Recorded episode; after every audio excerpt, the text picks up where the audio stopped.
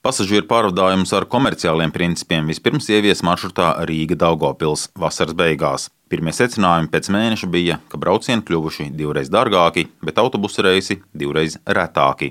Tomēr kompānijas Daugopils autobusu parks komercdirektors Artjoms Vengrevičs stāsta, ka braucēji ir. Gribu tas vienmēr labāk, protams, ietekmē pandēmija valstī, novembrī ietekmēja komandants stundas ieviešana uz pasažieru plūsmu, bet to, ko mēs plānojam, tās tiek pildīts, bet, protams, vienmēr cerībā ar pasažieru plūsmas palielināšanu nākotnē, protams. Par kādiem skaitļiem jūs arī varbūt esat gatavs runāt? Nu, ne par skaitļiem mēs nerunāsim, tā ir mūsu iekšējā komerciāla informācija. Braucēju skaitu un peļņas rādītājus Dagopils autobusu parks atklāt negrib, bet neslēpj, ka vairāk naudas būtu, ja valsts neliktu uz paša uzņēmuma rēķina pārvadāt tos pasažierus, kam noteiktas atlaides.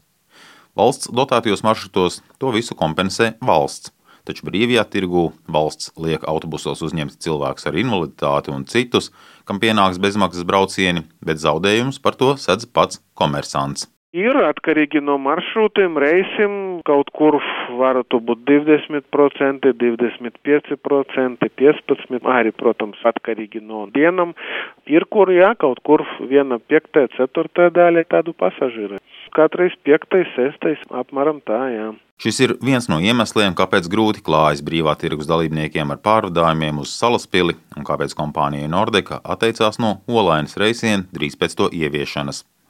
Tādējādi pašlaik brīvais tirgus darbojas tikai Daugopils un Salaspils virzienos, bet valsts lielie plāni par komerctirgu arī uz Siguldu, Jelgavu un Jūrmalu ir noklusuši, kaut arī tiem dzīvē bija jābūt ieviestiem no šā gada sākuma turpina Latvijas pasažieru pārvadātāju asociācijas vadītājs Ivo Ošinieks. Komerces pārvadājumi, lai neteikt, maigi ir izgāzušies.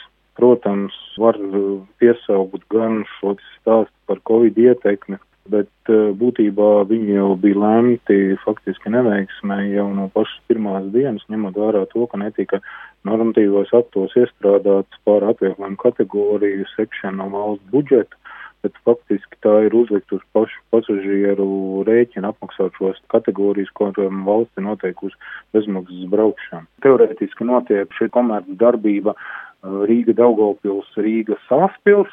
Cik ilgi tas ir jautājums, cik ilgi faktiski šie pasažieru pārvadātāji varēs sekt ar kaut ko citu šos zaudējumus. Autotransporta direkcijas valdes priekšsēdis Kristiāns Godiņš atzīst, ka pārvadātāju interese strādāt brīvajā tirgū nav bijusi tāda, kā sākumā tika plānots. Tā Covid ietekme visai būtiski pasažieru skaitu pagrozījusi arī tajās līnijās, kas mums bija iecerētas un arī šobrīd ir kā komerc līnijas, kā piemēram Jelgavas virziens pret 19. gadu pasažieru skaita kritums mīnus 58%, Ogres virziens mīnus 59%, Sigūra mīnus 42%, Jūrmā mīnus 62%. Un tas ir tas viens no visbūtiskākajiem iemesliem, kāpēc arī tur, kur bija ieplānoti komerc pārdēni, nepieteicās. Un uh, otrs tas iemesls, ko arī pārdātāji minējuši, ir, kad jāuzņem pasažieri ar atvieglojumiem un jādod tās pašas atlaides, kas ir dotētajā sabiedriskā transportā, kas nozīmē, ka viņu ieņēmumi samazinās vai netiek gūti vispār no šādiem pasažieriem. Godiņš vērtēja, ka pasažieru skaita kāpums par desmito tiesu vai 15%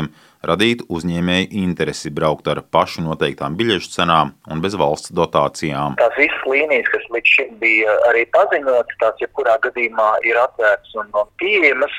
Autotransporta direkcija vērtē skatās par reizeknas virzienu, Tanī brīdī, kad tā situācija mainīsies, attiecīgi Covid ietekme tiks pārskatīta, tad iespējams attiecīgi arī interesi varētu būt gan par tiem, kas jau bija izsludināti, gan arī nākotnē nav izslēgts, ka tas virziens, bijis reizeknas virziens varētu arī tikt piedāvāts. Tikmēr pārvadātāji norāda uz vēl kādu problēmu. Maršrutos, ko valsts jau sen bija plānojusi nodot brīviem tirgumam, ar būtisku dotāciju atbalstu turpina strādāt iepriekšējās kompānijas.